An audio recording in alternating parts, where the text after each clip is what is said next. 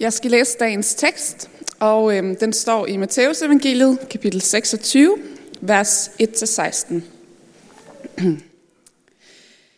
Beslutningen om Jesu død. Da Jesus var færdig med hele den tale, sagde han til sine disciple, I ved, at om to dage er det påske, og så udleveres menneskesønnen til at korsfæstes. Der samledes ypperstepræsterne og folkets ældste i gården hos ypperstepræsten, der hed Kajfas, og de enedes om at gribe Jesus med list og slå ham ihjel. Men de sagde, ikke under festen, for at der ikke skal blive uro i folket. Salmningen i Betania. Da Jesus var i Betania, i Simon den spedalskes hus, kom der en kvinde hen til ham med en alabastkrukke fuld af meget kostbar olie, og hældte den ud over hans hoved, mens han sad til bords. Da disciplen så det, blev de vrede og sagde, hvorfor øste sådan? Den olie kunne være solgt for mange penge og givet til de fattige. Men da Jesus mærkede det, sagde han til dem, hvorfor gør I det svært for kvinden? Hun har gjort en god gerning mod mig. De fattige har I altid hos jer, men mig har I ikke altid. Hun har hældt denne olie ud over mit lame, som en forberedelse til min begravelse. Sandelig siger jeg, hvor som helst i hele verden dette evangelium prædikes, skal også det, hun har gjort, fortælles til minde om hende. Judas' forræderi. Der gik en af de tolv, han som hed Judas Iskariot, til ypperste præsterne og sagde, hvad vil I give mig for at forråde ham til jer? De talte 30 sølvpenge op til ham, og for deraf søgte han en lejlighed til at forråde ham. Amen. God formiddag. Ja, som øh, Henriette sagde til at begynde med, så hedder jeg Manuel, og øh, får lov til at være med i kirkens forkynder eller prædikant-team her. Og øh, får også lov til at sige noget om den tekst, som vi har foran os øh, i dag, og som vi har hørt øh, Katrine læse op nu her. Vi er i gang med en serie om et af øjenvidneskildringerne fra Bibelen, altså hvor man har talt med øjenvidnerne til det, som Jesus han gjorde og sagde, da han gik her på jorden, øh, og så har jeg skrevet det ned i de her evangelier, som vi kalder det. Og øh, på det her tidspunkt, der har Jesus holdt sin store tale, inden, øh, øh især en tale, der handlede om, hvad skal der ske i de sidste tider, som man kalder det i kirken, inden han kommer igen. Og den har han ligesom afsluttet her. Og så kommer vi til det her øh, lille middagsmåltid, eller det er egentlig et festmåltid, kan vi læse i en af de andre øjenvidne skildringer. Det er et, øh, et måltid for Jesus. Og vi ved, at det er noget, som skal ske lige inden det, som er slutningen på hans virke her på jorden, og faktisk også er kulminationen, højdepunktet i en vis forstand. Øh, selvom det var rigtig vigtigt, at det Jesus sagde og gjorde, da han gik her på jorden, så var det især det sidste, der var kulminationen, der var højdepunktet. Det er, han døde, og han opstod og blev set af hundreder af disciple. Vi kan se det i, øh, i starten af teksten her, der siger Jesus selv, I ved, at om to dage er det påske, og så udleveres menneskesønnen, det vil sige Jesus selv, til at korsfæstes. Man kan godt sige, at øh, denne her begivenhed, den er øh, øh, optakten til noget, som må regnes for verdenshistoriens største begivenhed. Og, og de arbejder på lyden. Så de skal nok finde ud af det. Øh, det er verdenshistoriens største begivenhed, fordi det, der skete, da Jesus døde, og han opstod, det er egentlig det, som hele kristendommen bygger på. Og kristendommen, det behøver man ikke være kristen for at mene. Kristendom er den største bevægelse, verdens, øh, verden nogensinde har set. Det er verdenshistoriens største bevægelse, og det er det stadigvæk i dag. Så det er faktisk en, øh, det er en betydningsfuld begivenhed, og det er også en betydningsfuld kvinde, som vi øh, skal høre om i dag. Jesus han indikerer det selv. Han siger, hvor som helst i hele verden dette evangelium prædikes, skal også det, hun har gjort, fortælles til minde om hende. Vi sang om, at, at lyset skal over verden gå, og det er faktisk sådan, at næsten over hele jorden er budskabet om Jesus, og dermed også om kvinden her, gået i dag. Og det skal vi dykke noget dybere ned i. Men først er der noget, som jeg er blevet, øh, blev, blev mindet om at sige denne her uge, eller for, for en uges tid siden. Øh, og det er derfor, jeg har taget den her stol med. Øh, og det er fordi, jeg, jeg tænker nogle gange, at det kan godt virke sådan, når vi holder gudstjeneste, og jeg har også selv tænkt på det nogle gange, når jeg taler øh, til en gudstjeneste, så, så, øh, så kan vi tale en del om Jesus og til jer. Og nogle gange kan gudstjeneste også virke som, at vi kommer sammen for at synge og se hinanden og, og ligesom have det kristne fællesskab. Og det handler det også om, alt sammen. Men det kan nogle gange virke som om, at vi taler så nærmest forbi Jesus.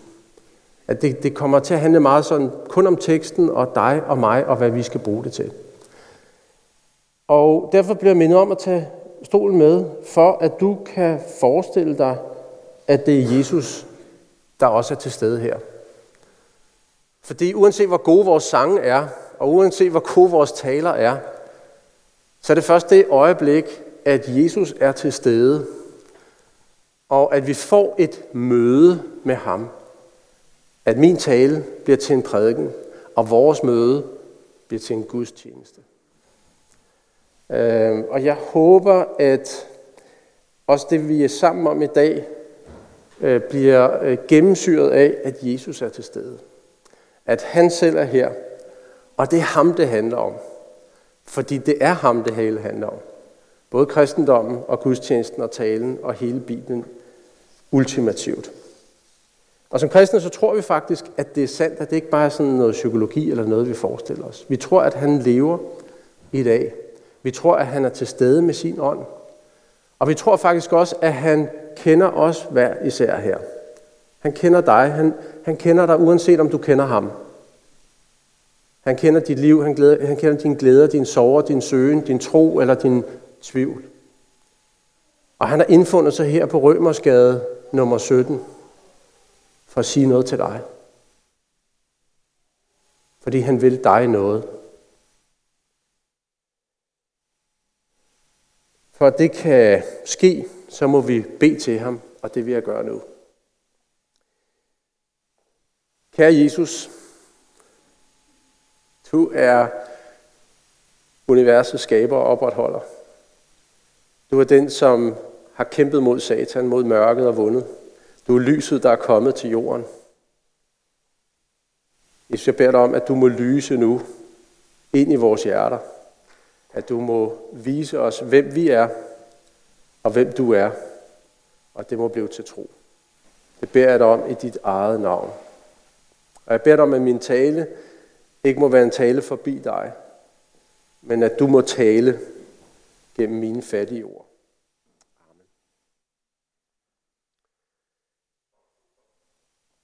På slidene, som øh, I kan se bag ved mig, der står der et mobilnummer. Øh, og øh, det er mig, der skal klikke. Øh, og det betyder, at I kan sms til mig. I kan sms til det her nummer, det er mit mobilnummer. Der bliver ikke sådan et spørgsmål-svar efter prædiken, som der nogle gange er. Der bliver tid til refleksion efter prædiken. Øh, men alle, som skriver til mig, øh, får svar. Så det skal nok komme frem. Øh, for øh, et års tid siden, eller godt et år siden, så fik jeg øh, noget kommunikationstræning af en, en filminstruktør, tidligere rektor på, på Filmakademiet, eller filmuddannelsen i Æbeltoft, Søren Høj, så fordi jeg skulle være sådan moderator til en konference. Og der sagde han noget, som jeg blev mærke i. En god historie handler først og fremmest om nogen, frem for om noget.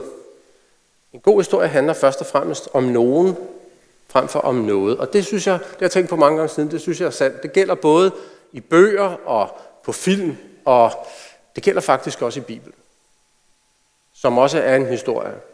Den handler om nogen frem for om noget. Og øh, teksten i dag, den handler om Jesus. Men der er også nogle andre personer med i teksten i dag. Og øh, dem skal vi kigge lidt på. Vi skal kigge på dem, der er med til det her øh, selskab hos øh, Simon den Spedalske, som nok ikke er spedalsk længere, ellers så måtte de nemlig ikke spise sammen med ham. Øh, og øh, jeg har fundet det her billede af Rubens og Van Dyck. Det er cirka 400 år gammelt, men det er sådan, et, sådan som de ligesom forestillede sig det med den tids påklædning og så videre, at øh, Jesus er til stede, og at han, øh, han spiser sammen med nogle mennesker. Og vi møder nogle forskellige personer. Vi møder selvfølgelig først og fremmest øh, Jesus, som er hovedpersonen. Jesus, som har, har prædiket, har undervist, har udført mirakler i to-tre år på det her tidspunkt. Og øh, en af dem, som han har øh, undervist, det er kvinden, som sidder ved hans fødder. Vi ved fra et af de andre øjenvide skildringer, at det er Maria. Hun hedder Maria, hun er søster til Martha, hende der er god til at ordne det praktiske, men ikke altid så god til at sætte sig ned og lytte til, hvad Jesus siger. Og så er hun også søster til Lazarus, som er forsøgt afbildet her. Han sidder og kigger ned øh, på sin søster og har sådan en hvid klæde om hånden, sandsynligvis en påmindelse om det klæde, han havde på, da han blev opvagt af Jesus fra de døde. Jesus opvagte Lazarus fra de døde som et tegn på, hvem han egentlig var. På overfladen så, så Jesus ud som et normalt, en normal jøde, som alle mulige andre. Men Jesus, han prædikede sandheden, han bragte sandhedens lys ind, og han bragte livets lys ind i verden. Og opvækkelsen af Lazarus var et af eksemplerne på det. Til stede her, så har vi også øh, disciplene. Vi øh, ser øh, nogle af dem her. De er sådan lidt i en mellemfase her. Vi kan sige, når vi læser øjenvidensskildringerne, så læser vi mange gange, at disciplen de gør nogle ting, som vi ikke synes er særlig smarte eller beundringsværdige. Heller ikke i dag, hvor de bliver farvet på denne her kvinde, på Maria, og bliver rettesat af Jesus. Vi skal bare lige huske, at disciplene, det var nogen, som for de flestes vedkommende havde øh, hørt Jesus, havde mødt ham, og så har han sagt, følg mig, og så har de forladt alt, hvad de ejede og havde, deres hjem, deres trygge tilværelse, for at følges med Jesus øh, i stor usikkerhed. Dag efter dag, måned efter måned. En meget kontroversiel person, som de fulgtes med, som havde mange fjender, som var meget øh, udsat for kritik. Så det skal vi bare huske. Jesus var kommet til denne her verden som lyset, der skinner i mørket, og det gav altid en reaktion. Sådan er det i den åndelige verden, at når, når lyset kommer til, så reagerer mørket. Sådan var det også i Jesu liv. Og det fik disciplene altså også at mærke. De havde set lyset, og de havde taget imod det. Men det var som om deres øjne stadigvæk kun var halvt åbne. Fordi de havde nok ikke helt forstået, hvem han var, og hvad der skulle ske. Ellers havde de ikke reageret sådan, som de gjorde her i situationen. Og det er fordi, det er en påmindelse om, at selv de mest beundringsværdige disciple, som offrer meget for at følge Jesus, de er sårbare og skrøbelige i hjertet, i deres tro. Vi møder også dem, som ikke ser lyset, eller måske ser det og siger, nej tak, vi foretrækker mørket. Nemlig ypperste præsterne og folkets ældste. Ypperste præst. Ypperste betyder, at noget ypperligt, det er, det er højst.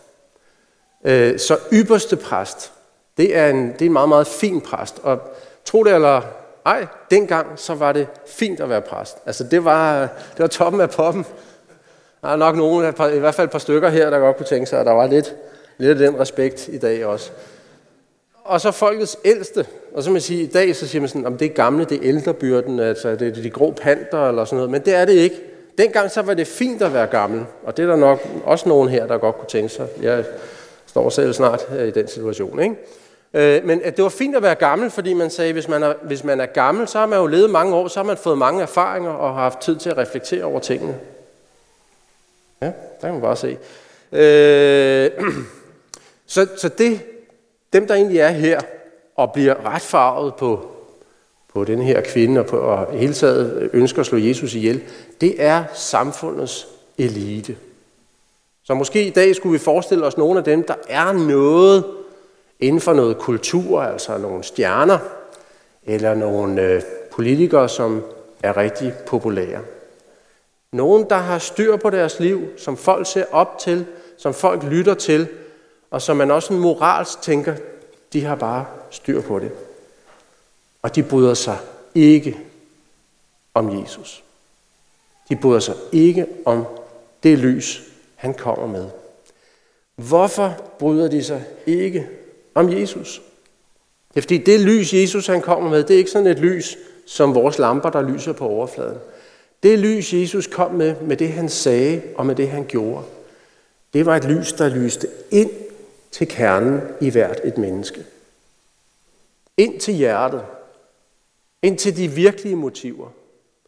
Ind til den virkelige tro. Det var et lys, der skar igennem alle de ord og facader og vaner, som vi kan have. Og det kan være godt. Men hvad er hjertet? Hvad er det inderste? Hvad er det, der driver dig? Det var det, Jesus lyste ind i, og han lyste også ind igennem elitens facader. Og han viste, at inde i deres hjerte, så var der ikke kærlighed til Gud. Der var ikke kærlighed til sandhed. Og der var ikke kærlighed til ham, som var Guds søn. Han kaldte dem kalkede grave, det vil sige nogen, som så fine og velfungerende ud på overfladen. Som andre folk så op til at tænke, hold fast, de har styr på det. De er beundringsværdige, de gør meget godt. Men indeni er fuld af selvoptagethed, af smålighed, af fordømmelse, af selvretfærdighed. Jeg havde måske sagt det engang.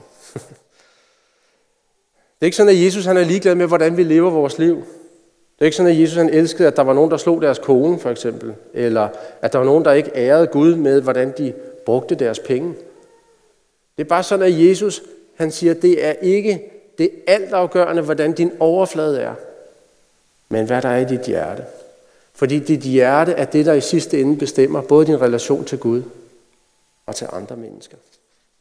Og det er et budskab, der er lettere at tage imod, hvis man er indsat i Hersted Vester, eller hvis man er prostitueret på gaden. Fordi så er man godt klar over, at der er noget galt. Fordi det ved alle andre også.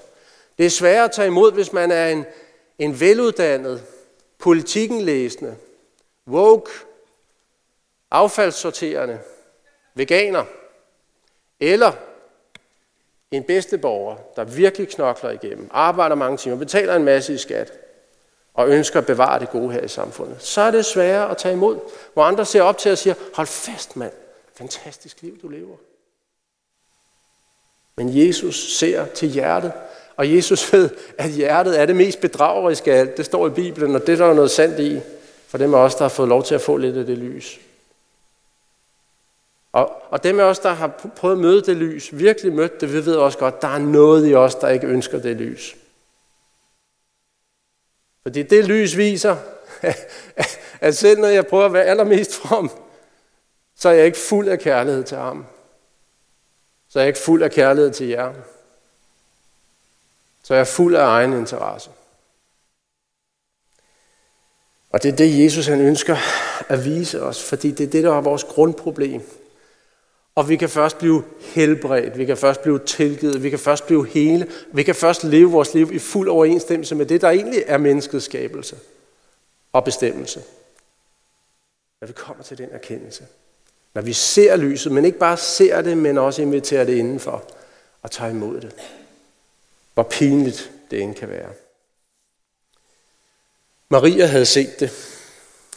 Maria havde mødt lyset, hun havde set lyset, og hun havde budt det velkommen. Og hun havde erfaret, hvor fantastisk det er at få lov til at få lyset helt ind i hjertet. Afsløre og afdække alt, hvad der ligger der.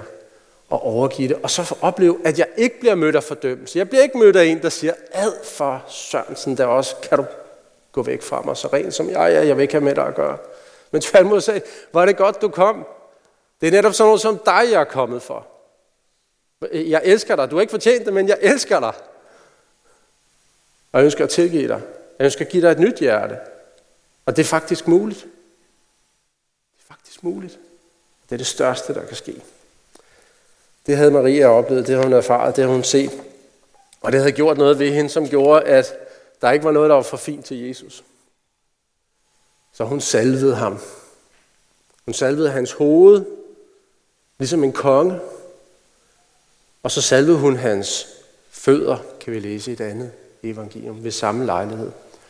Og så gjorde hun noget voldsomt grænseoverskridende, det ville det i hvert fald være for mig. Hun tørrede hans fødder med sit hår. Jeg ved ikke, om I kunne tænke jer. Men øh, jeg har det selv sådan, jeg synes, at mine fødder det er noget af det mest øh, intime, nogen andre kan røre ved. Dengang, så var det sådan, øh, lidt ligesom man møder i nogle mellemøstlige kulturer, du viser altså ikke dit hår offentligt, hvis du er kvinde. Hun slår det ikke bare ud, men hun tørrer hans fødder med sit hår. Det, som var en slaves arbejde, nemlig at vaske fødder, det, det, det udfører hun, og så tager hun sig selv for at vise ære til Jesus.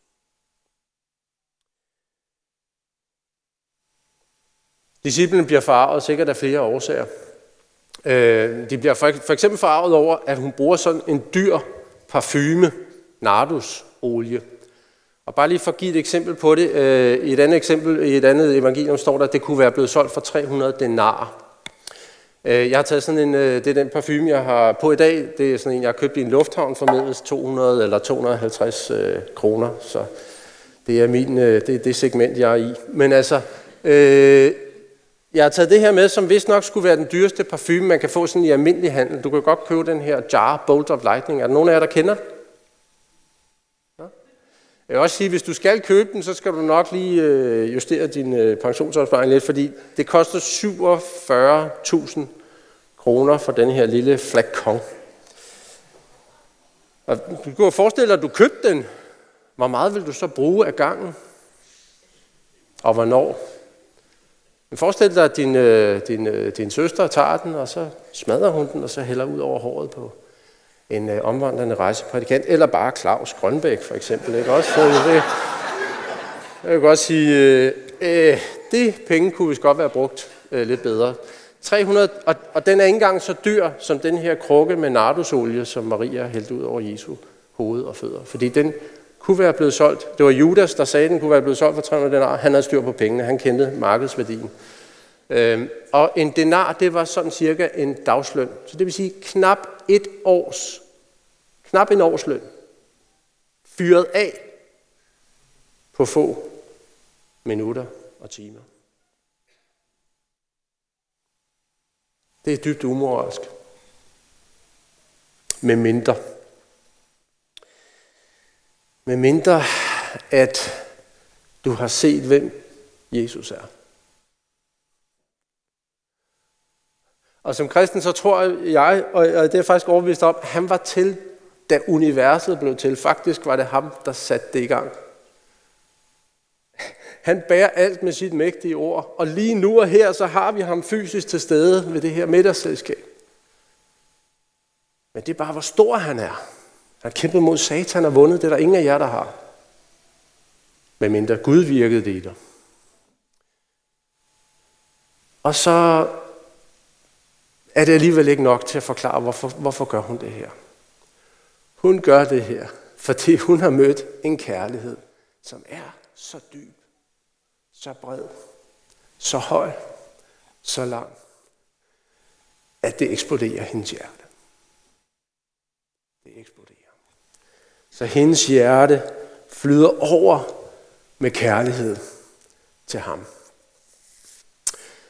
Det flyder over med kærlighed til ham, og det er det, hun ønsker at vise den respekt, den kærlighed til ham, og så er der ikke noget, der er for fint. På maleriet af Rubens og Van Dyck, der ser øh, hun for det første meget hvid ud, og for det andet øh, synes jeg måske ikke, betydningen kommer helt så tydeligt frem, som jeg synes, det her, den her gengivelse øh, gør. Vi kan se sorg i hendes hjerte.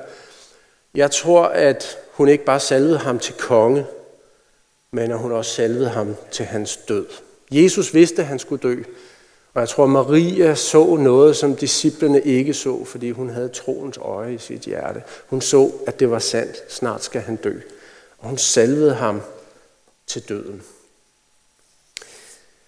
Disciplerne havde fået at vide, at Jesus snart skulle dø. De havde fulgtes med ham. Alligevel så, så havde de øjnene halvt lukket.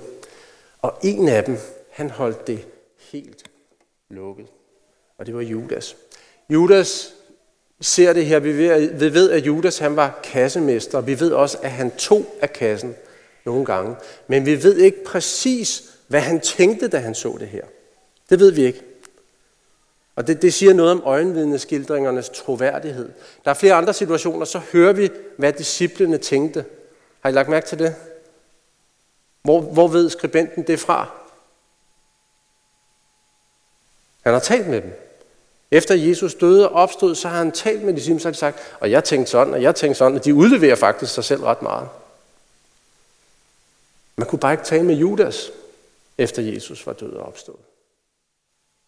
Fordi Judas var i mørket. Og fordi Judas valgte mørket. Og fordi Judas, da han havde gjort, hvad han skulle gøre, nemlig forråde Jesus,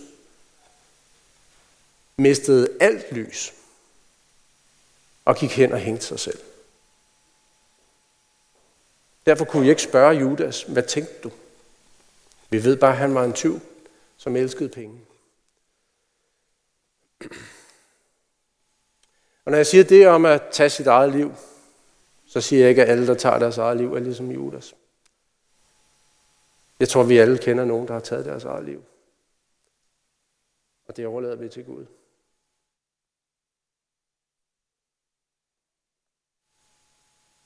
Judas tænkte, jeg har bedre forstand på økonomi end Jesus, ellers havde Jesus jo nok sagt noget. Men Judas han blev provokeret af at se så dyb en kærlighed og så dyb en tro. Fordi der, der var et lys, der skinnede, ikke bare fra Jesus, men også fra Maria. Og Judas valgte mørket. Judas ønskede at leve i mørket, fordi Satan var faret i ham. Og det var derfor, han forrådte Jesus. Og Satan, han er mørkets mester. Satan, han fungerer bedst i mørket. Han er løgnens far. Satan har alt at skjule. Satan ved, at når lyset kommer, når ærligheden kommer, så, så kæmper han med næb og klør imod det lys. Fordi det tager magten fra ham. Lyset tager magten fra ham. Han har alt at skjule.